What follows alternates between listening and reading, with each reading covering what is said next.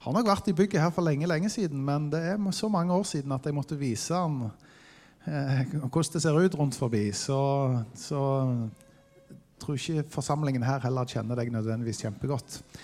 Men du, eh, du har jo vært i game i mange år, du.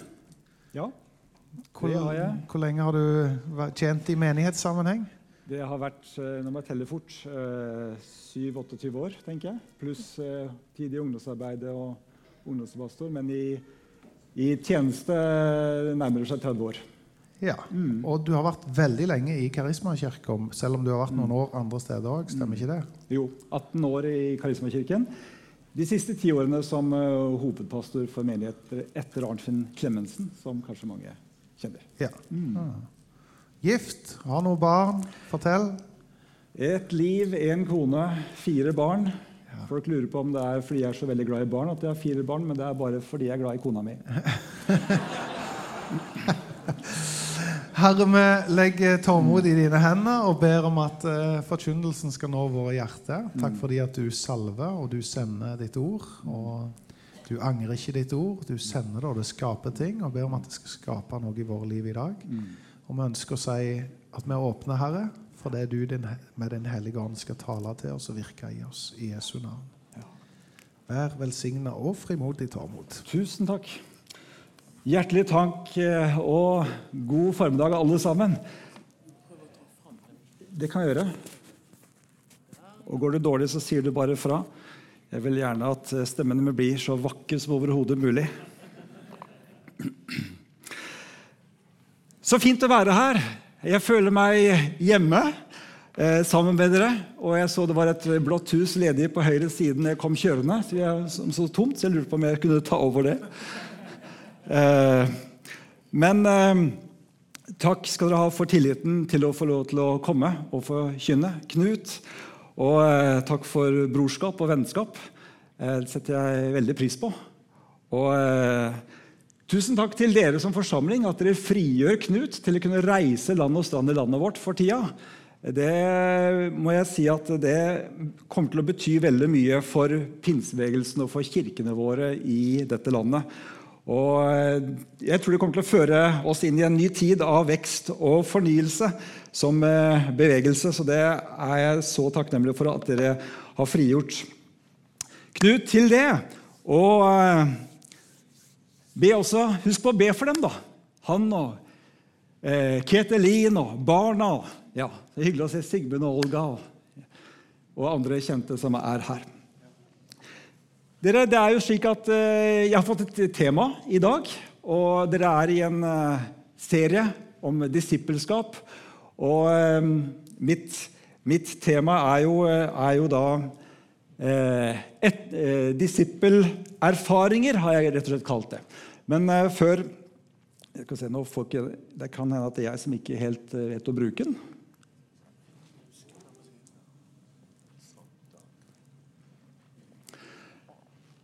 Her er iallfall familien min, for å bare vise et bilde av dem også i, eh, i, i starten her.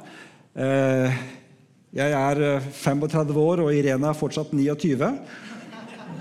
Det er ganske fantastisk. Så eh, har vi fire barn sammen, Irene og jeg. og Sara er 25, gift og bor i Bergen. Anni går på Bibelskolen Link. Er det noen her fra Bibelskolen Link? Ja da, det er én. Se. Kjempe. Og eh, Oda og Isak. Isak han eh, lever etter motto at livet er ikke bare en lek, det er også en dans på roser. Han er der. Så eh, det er flott. Nei, Vi har akkurat faktisk fylt 50, både Irene og jeg, for å være litt sann om det. da. Tema disippelerfaringer. Temaet var disippelskap og erfaringer knytta sammen. Og så satte jeg det rett og slett bare sammen til et ord. Ja. Disippelerfaringer. Det er vel for så vidt ikke det beste ordet, men det fanger opp noe av det som jeg prøver å la være mitt fokus denne formiddagen. Jeg husker Da jeg var yngre, så var jeg så eh, misunnelig på de som hadde sånne radikale vitnesbyrd. De blir frelst ut av narkomani og kriminalitet og all verdens elendighet. Ikke sant? tenkte at wow, for et vitnesbyrd! Tenk hva Gud har gjort i deres liv! Og så, liksom, og så, tenkte jeg Hva er jeg blitt frelst fra, egentlig? Og synes jeg Det var ganske stusslige greier. i forhold til det. Vokst opp i kristent hjem og til og med så hellig å være misjonærbarn osv. Så, videre. så jeg tenkte liksom, det er ikke mye liksom, å fare med. Så Jeg husker på en konferanse i Stavanger. faktisk, Da var jeg 17 år. og Jeg følte aldri jeg hadde vært framme og liksom bekjent offentlig at jeg ønsker å være en kristen og følge Jesus. Og jeg husker Den gangen jeg gikk fram, så var det noen som lurte på hva Gå Tormod fram. Vi trodde han var frelst hele livet sitt. Og det hadde jeg jo. Men det var liksom bare behovet for å markere det en gang at uh, offentlig jeg har bestemt meg. Og det, det, var egentlig unødvendig å gå fram den gangen. Det skjønner jeg jo i ettertid. Fordi at eh, jeg hadde allerede opplevd et radikalt møte med Jesus bare året før. Men hør at eh, andres vitnesbyrd, andres radikale vitnesbyrd, var ikke mitt vitnesbyrd. Men likevel så har jeg oppdaget at eh, min disippelvandring, min etterfølgelse av Jesus, har også sine diamanter. Og det er poenget mitt i dag også, at uh, din etterfølgelse, din erfaring og din vandring med Jesus har også sine diamanter. Og de skal du også få lov til å dele med andre. Jeg har lyst til å dele eh, det som jeg skal si der, med over to hovedpunkter. Det ene er erfaringer og det å kjenne. Erfaring er å kjenne Jesus. Og det andre er eh, spenningen mellom rytmen, det hverdagslige, og det radikale, spektakulære i etterfølgelsen av Jesus. Så det å kjenne, erfare er å kjenne, og det, altså spenningen mellom det hverdagslige og det spektakulære. La oss, eh, Jeg er en sånn bibelpredikant, da, så jeg liker å lese legge et ord, fundament i ordet. Det er alltid bra. Og Vi leser sammen denne teksten her, eller jeg kan lese den fra Apostelens gjerninger 3. Peter og Johannes gikk en dag opp til tempelet til ettermiddagsbønnen ved den niende time. Da kom det noen bærende på en mann som hadde vært lam helt fra mors liv. Hver dag satte de ham ned ved tempelporten som kalles Fagerporten, så han kunne tigge om gaver fra dem som gikk inn i tempelplassen. Da han så Peter og Johannes som var på vei inn, ba han om en gave. De så fast på ham, og Peter sa, 'Se på oss.' Han gjorde det og håpet de ville gi ham noe, men Peter sa, 'Sølv eller gull har jeg ikke.' 'Men det jeg har, vil jeg gi deg.' I Jesu Kristi Nazarens navn, reis deg og gå. Og han grep ham i høyre hånd og reiste ham opp. Straks fikk han styrke i føttene og anklene. Han sprang opp, sto på føttene og begynte å gå omkring. Han fulgte dem inn på tempelplassen, hvor han snart gikk, snart sprang, mens han sang og priste Gud. Og alle så hvordan han gikk omkring og lovpriste Gud. De kjente ham igjen og visste at det var han som pleide å sitte ved fagerporten og tigge om gaver. Og de ble slått av undring og forferdelse over det som hadde hendt ham. Mannen holdt seg nær til Peter og Johannes, og fulle av undring stimlet hele folket sammen rundt dem i Salmos søylegang. Da Peter så det, begynte han å tale til folket. Israelitter, hvorfor er dere forundret over dette? Hvorfor stirrer dere på oss som om det var vår egen kraft eller fromhet som gjorde at denne mannen kan gå? Nei, Abrahams og Isak og Jakobs Gud, våre fedres Gud, har herliggjort sin tjener Jesus. Dere utleverte ham og fornektet ham for Pilatus, som hadde besluttet å gi ham fri. Dere fornektet Den hellige ånd rettferdige og ba om å få løslatt en morder. Men livets opphavsmann drepte dere, han som Gud reiste opp fra det døde. Det er vi vitner om. Ved troen på Jesu navn har dette skjedd, for det navnet har gitt styrke til denne mannen som dere både ser og kjenner. Den tro vi får gjennom dette navnet, har gitt mannen full følelighet igjen, slik dere alle kan se. La oss også ta med oss Filipperbrevet 3, 9 og 10. Det er rettferdigheten fra Gud, bygd på tro. Da kjenner jeg ham og kraften av hans oppstandelse. Det var noe av det som vi fikk se, og det fikk den lamme mann erfare. Kraften av hans oppstandelse. Og La oss bare stoppe litt opp ved det her ordet 'å kjenne'. For erfare, sa jeg, det er å kjenne. Og, og grunnordet 'kjenne' i Bibelen, for å ta litt sånn grundig bibelstoff først uten å gå for dypt. Vi må ikke dykke for dypt, for da kommer vi jo ikke opp igjen. Så jeg skal ikke drukne deg, men bare ta deg med inn i det her ordet, ginosko, grunnordet, å kjenne. For det betyr å lære å kjenne. Å bli kjent med. Det har en rasjonell side. Å få kjennskap til å begripe Jeg sa rasjonell, jeg mente relasjonell. Men, og det står feil her. Relasjonell, men også en kunnskapsside å få kjenne og begripe. Men det er også en fysisk dimensjon av det å kjenne som går på det å føle. Og så er det til og med slik at det er et jødisk idiom for samleie mellom mann og kvinne. Det å kjenne. Og I en av bibeloversettelsene står det jeg tror det er om Adam at han kjente sin hustru Eva og ble med barn. Altså, da har du det idiomet i bruk. Så vi, Det er noe altså, som handler om det, det kunnskapsmessige. Erfare kunnskap. Det handler om relasjon med Herren og med hverandre. Og det handler også om å faktisk få kjenne fysisk på sin kropp. Og det er noe av det som er disippelerfaringen. Fordi at eh, disippelerfaringene, det er å kjenne Gud. Kjenne Gud på en måte som gjør at det berører hele oss. Og det har en åndelig side. Det spirit, det åndelige. Erfaringen av frelsen. Rettferdighet ved tro. Det å bli født på nytt. Det er det som er vår identitet. Jeg vet at jeg vet at jeg vet at jeg er Guds barn fordi jeg er født på nytt. Det neste er det sjelelige soul. Det, det, som har med sjelslivet At vi erfar en erfaring av forvandling og fornyelse av vårt sinn, av vår tanke. En forvandling av både følelser og viljesentre. Det er også en erfaring av at Gud har flyttet inn. Og så har vi det kroppslige, det fysiske. En erfaring av Guds kraft i kroppen. Helbredelse, men også erfaring av alt ytre, det som livet fører med seg. Eh, av både det kristne fellesskapet, av hverdagen, og det å erfare og kjenne Gud i sitt liv, i sin hverdag. Det kroppslige. Så det å erfare, det å være en disippel, det er å erfare på alle disse tre nivåene. Det indre, det sjelige og det kroppslige ytre. Så etterfølgelsen berører hele mennesket på alle disse tre nivåene. Og så er det som jeg var litt inne på, at eh, Vi har en tendens til å sammenligne hverandre med andres erfaringer. Å, Hadde jeg bare hatt vært den, og hadde jeg bare opplevd det som den, og hadde jeg bare kjent det på den måten, da skulle det vært annerledes. Da hadde det vært greier, da.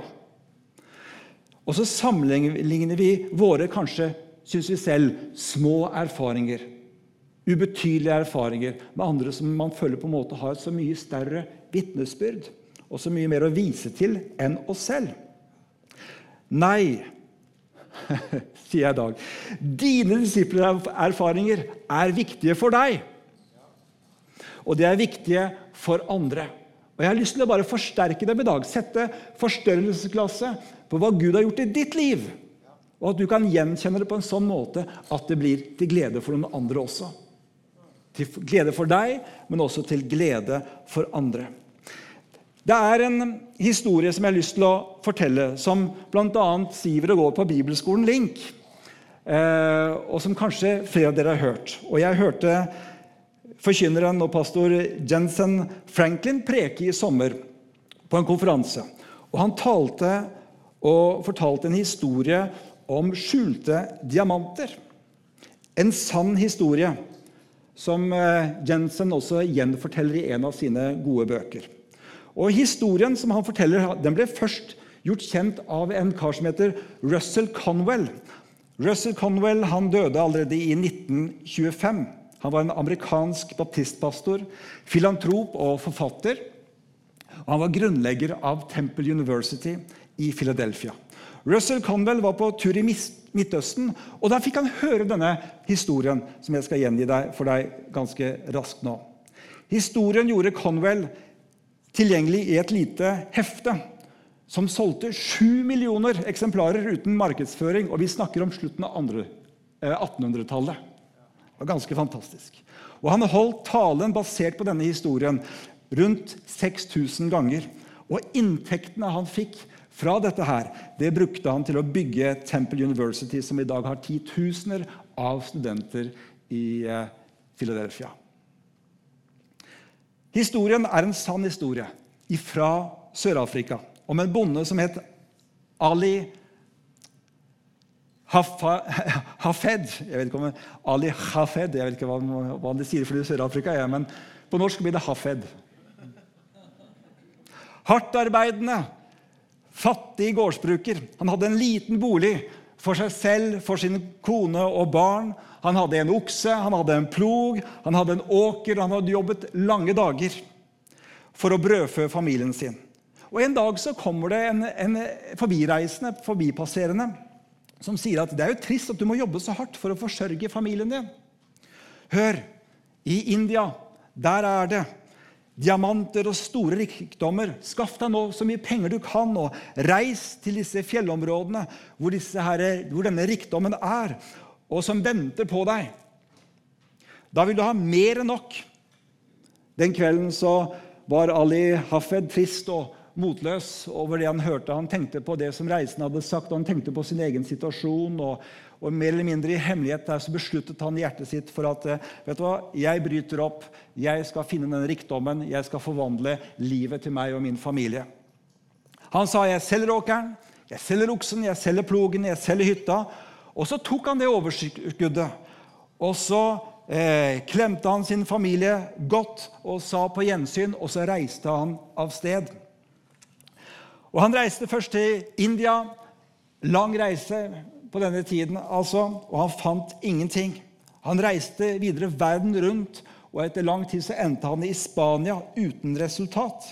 Og i stor sorg og depresjon og erkjennelse over nederlaget sitt så sa han til seg selv jeg kan ikke komme tilbake, jeg kan ikke komme hjem uten noen ting.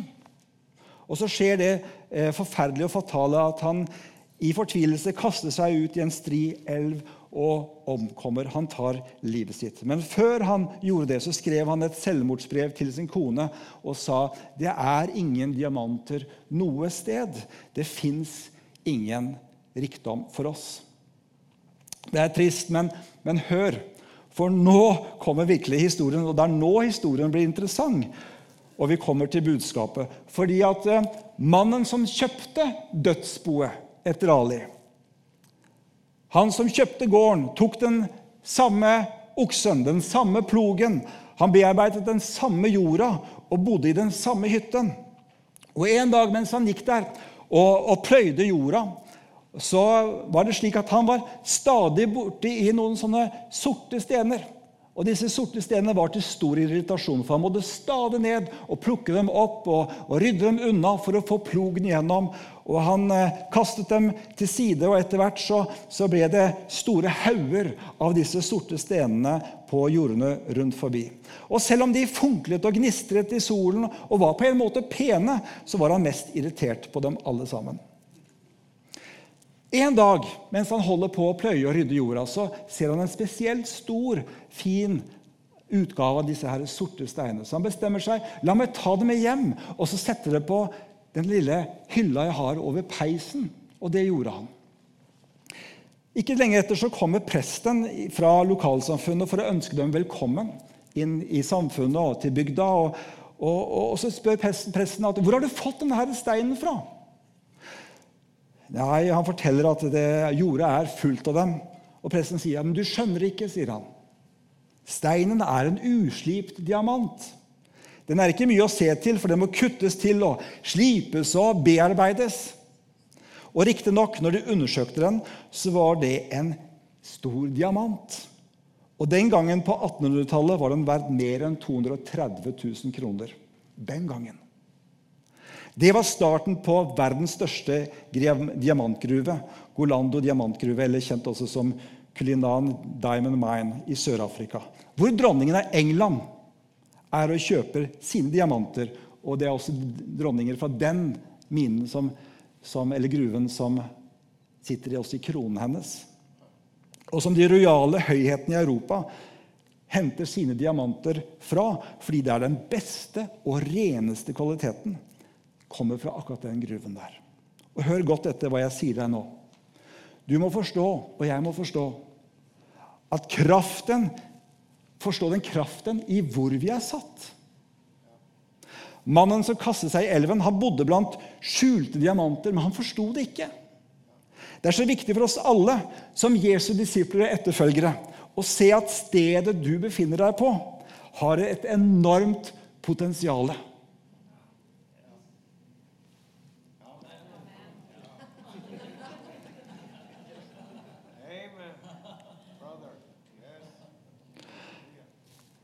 Og vi sammenligner oss ofte. Vet du hva? Hva er det det står for noe i Korinterbrevet? Det er forskjellige tjenester. Men Herren er den samme. Det er forskjellige kraftige virkninger, men Gud er den samme.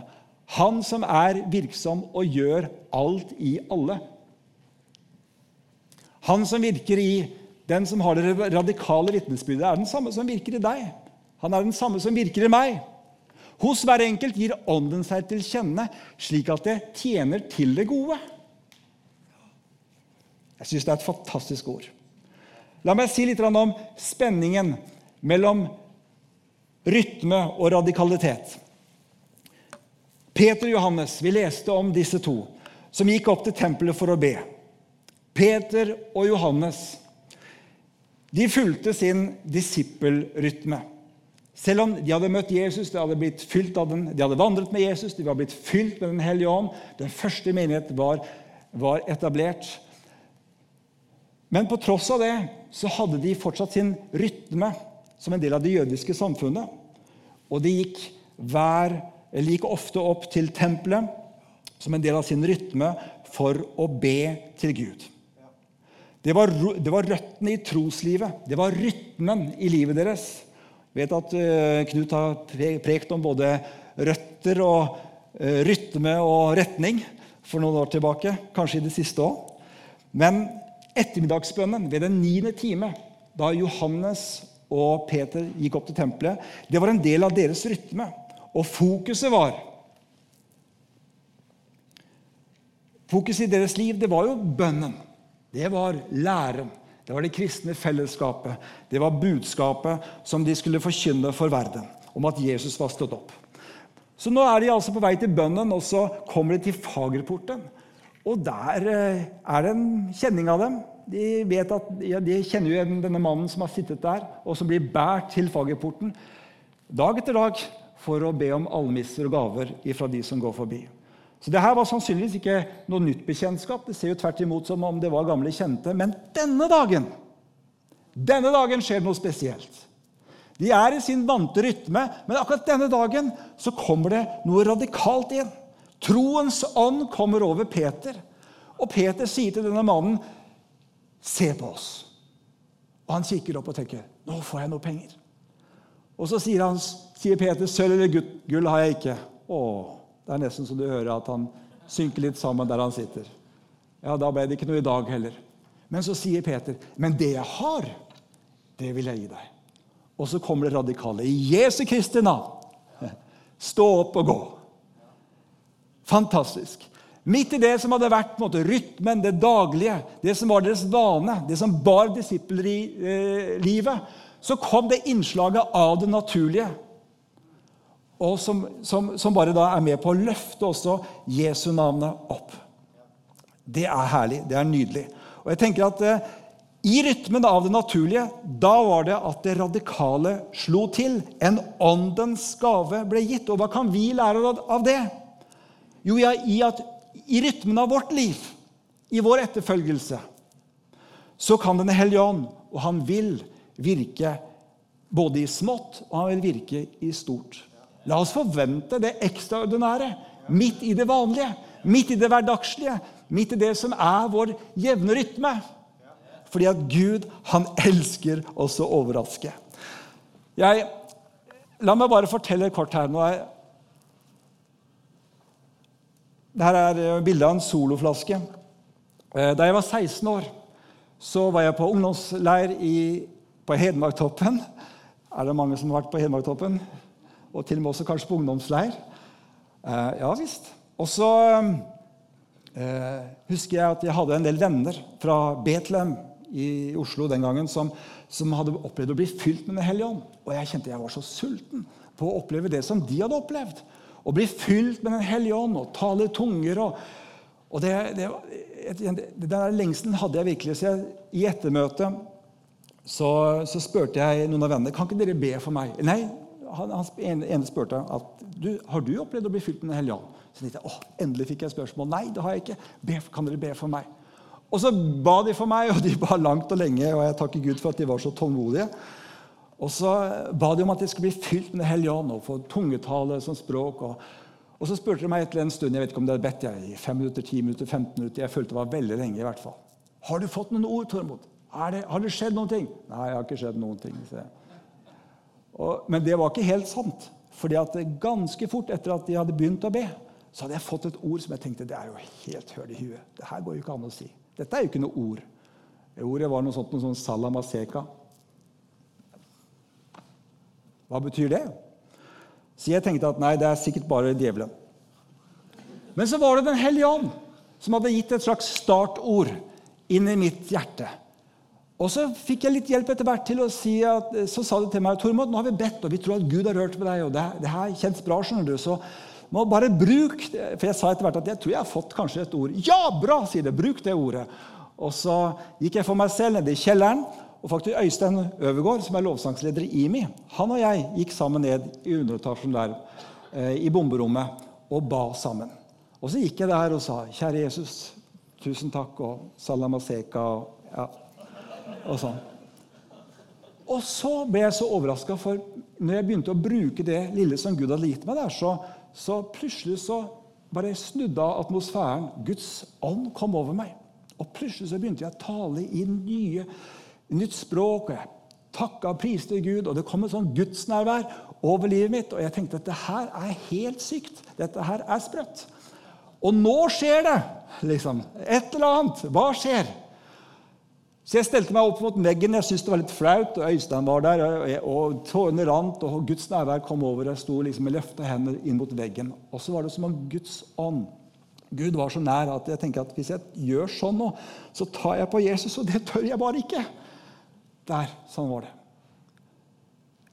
I Guds nærvær der. Vi var der ganske lenge. Så kommer etter hvert en annen kompis ned. og Han hadde satt seg på brillene. Han hadde ordentlig tykke briller hadde satt seg på brillene og gikk og famla seg fram. og Så spurte vi hva har skjedd med deg. Han, Nei, jeg satte meg på brillene og knuste brillene mine. sa han, jeg får ikke gjort noe med dem før i morgen. Ja, men da kan vi be for deg, sa vi. Og han satte seg på en stol, og vi sto bak og vi la hendene på han, og så sa vi, kjære Jesus, må du berøre meg. Be ba vi for ham. Og jeg tror vi ba lenge, jeg tror vi ba i 40 minutter i hvert fall. Og så spurte vi du, ser du noe mer enn nå. Så kikker han opp, og så ser han seg omkring. Også. Så ser han på bordet hvor det står en soloflaske. Og så sier han, 'Du, gutter, har den flaska stått der på bordet hele tiden?' Så, ja, ja, den har stått der hele tiden. Ja, for den så ikke jeg i stad, sa han. Ja, betyr det at du ser bedre? Ja, jeg tror det, sa han. Og så, ja, men Da ber vi litt til, da, sa vi. Og så ba vi litt til. Og så hørte vi, og jeg har aldri vært så salig over at noen har lest ingrediensene på en soloflaske noen gang i mitt liv. Men det var det som skjedde. Han sa, Plutselig så leste han Solo. Og den gangen så sto det under eh, etiketten Ås Bryggerier med litt mindre bokstaver. Leste han Ås Bryggerier, tenker jeg halleluja! Ås Bryggerier. Og så leste han ingredienser. Vann, sukker og så kunne han lese alt med småskrift. Og så fikk han synet tilbake igjen. Seks år seinere snakker faren min med faren hans og spør hvordan går det med sønnen din. Han ser akkurat like godt i dag. Det var min erfaring på en måte av åndsdåpen og det å bli fylt med Den hellige ånd. Og hva var åndsdåpen? Hva er det som sitter sterkest? Ja, sol og flaska sitter, det skjønner du på en måte. Men det som sitter aller sterkest, var jo at åndsdåpen var jo en kjærlighetsdåp. Det var en opplevelse, en erfaring av å bli fylt med Guds kjærlighet. Når jeg kom ut av det bomberommet denne ettermiddagen, så tenkte jeg kjære tid, jeg er jo glad i alt jeg ser her. Alle mennesker jeg ser her. Er, de jeg ikke kjenner, og de jeg kjenner litt. Sånn. Jeg, jeg, elsker jo alle sammen. Og den telefonstolpen som står der Oh, I love you! liksom. Det, det var den stilen der. Det var så kolossalt. Så hva er det for noe? Vitnesbyrdet er jo på en måte at eh, det koker ned til ikke det spektakulære, men til Guds kjærlighet. Sånn var det også med Peter. Vi leser, vi leser, ikke videre i Bibelen om at eh, Peter forteller i en av sine brev Jeg husker den gangen ved Fagerporten hvor den lamme mannen fikk stå opp og begynne å gå. og Det var fantastisk. Peter forteller ikke noe mer om det. Men det han forteller om, det var den gangen Jesus åpenbarte seg for ham på fjellet sammen med Jakob og Johannes. Det forteller han om mange mange år seinere. For Jesus-åpenbaringen og berøringen av Jesus, det har forvandlet ham. Vet du hva? I avslutning her Dine disippelerfaringer er dine diamanter. De kan være nedgravde, de kan være uslipte. Kanskje de må oppdages, kanskje de må bearbeides. Men gjør det.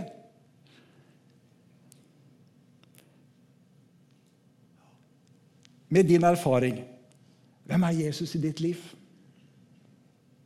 For det er kraft i vitnesbyrdet ditt. Jeg utfordrer deg til å, å bearbeide vitnesbyrdet ditt. Hva betyr Jesus for deg? Jeg er sikker på at han betyr mye mye mer for deg enn det du kanskje noen ganger setter ord på. Hvordan vil du fortelle ditt vitnesbyrd til din sønn eller datter? Kanskje du ikke har gjort det noen gang. Eller din ufrelste venn eller skolekamerat eller arbeidskollega, student medstudent. Vet du hva? Dine disiplererfaringer er dine. Og det er personlig. Og når du bearbeider det og deler det med andre, så vil det ha en enorm kraft og betyr ikke bare noe for deg, men det vil bety noe for dem. Og det er fordi at eh, Akkurat som Peter, når han forklarer hva som skjedde med den lange, lamme mannen, så så legger ikke Peter vekt på at jo, først så kom vi opp, og så satt han der, og så sa jeg dette, og, og da skjedde det. Nei, han sa den, det navnet, altså Jesu navnet, har gjort denne mannen frisk. Hva er det vitnesbyrdet vårt gjør? Det er med på å sette lys på han som fortjener all ære og pris. Jesus. Og Det er hensikten med både tegn og under og våre erfaringer og med vitnesbyrdet vårt. At lyset skal falle på Jesus. Så for det første, dine disiplererfaringer er dine diamanter. Ikke håp å si la de være uslipte. Slip det, bearbeid det, bruk det, og del det frimodig. Og for det andre, jeg utfordrer deg til å leve med forventning, til å være sulten på flere og erfaringer med Jesus. For Vi kan stivne til i kristelivet, og troserfaringene våre kan bli museumsgjenstander. Men du, vi skal ikke leve bare på gammel manna for å snakke litt bibelspråk her. Men vi kan få lov til å få ny, frisk manna fra himmelen hver dag. De skulle ikke spare på gammel manna i, Israel når de gikk gjennom ørkenen. Men hver dag skulle Gud gi dem ny manna. Så de kan forvente nytt brød og ny, ny opplevelse og nye erfaringer med Jesus. Og hør, midt i det at vi er tilfredse, og at vi hviler i troen på det Jesus har gjort, så kan vi samtidig få lov til å ha den hungeren Sulten etter mer. Salmene sier 'åpne din munn vidt opp'. Lev sånn. Åpne din munn vidt opp, så skal jeg fylle den. Det er løftet fra Herren. Men ingen som har lukket munnen, for noe. Vi må åpne opp munnen. Leve med forventningen til Jesus hver dag. Og, og, Det er ikke noe slitsomt. Det er bare å leve det. Det er bare å være i forventning. Det er å få lov til å ha Jesus på radaren i hverdagen. Så akkurat eh, og for å si Det sånn, det er ikke alltid det spektakulære som er vårt vitnesbyrd. For meg personlig så er mitt vitnesbyrd mer disse dagene og har vært de siste månedene hvordan Herren har møtt meg og båret meg gjennom smerte og tap. Og det har blitt noe av tonen i mitt vitnesbyrd akkurat nå. Det er for ferskt ennå til at jeg snakker om det. Men jeg vet at eh, midt i det som har vært smerte og tap, der er det diamanter. Og jeg, er, jeg gjenkjenner dem fordi at Guds nærvær og Guds kraft har båret oss gjennom. La oss alltid ha denne holdningen. Enten vi gjør erfaringene i det spektakulære eller i rytmen av vårt disippelliv, eller gjennom eh, tap eller lidelse, hva det måtte være. La oss bare ha den forventningen til Jesus. skal vi be sammen.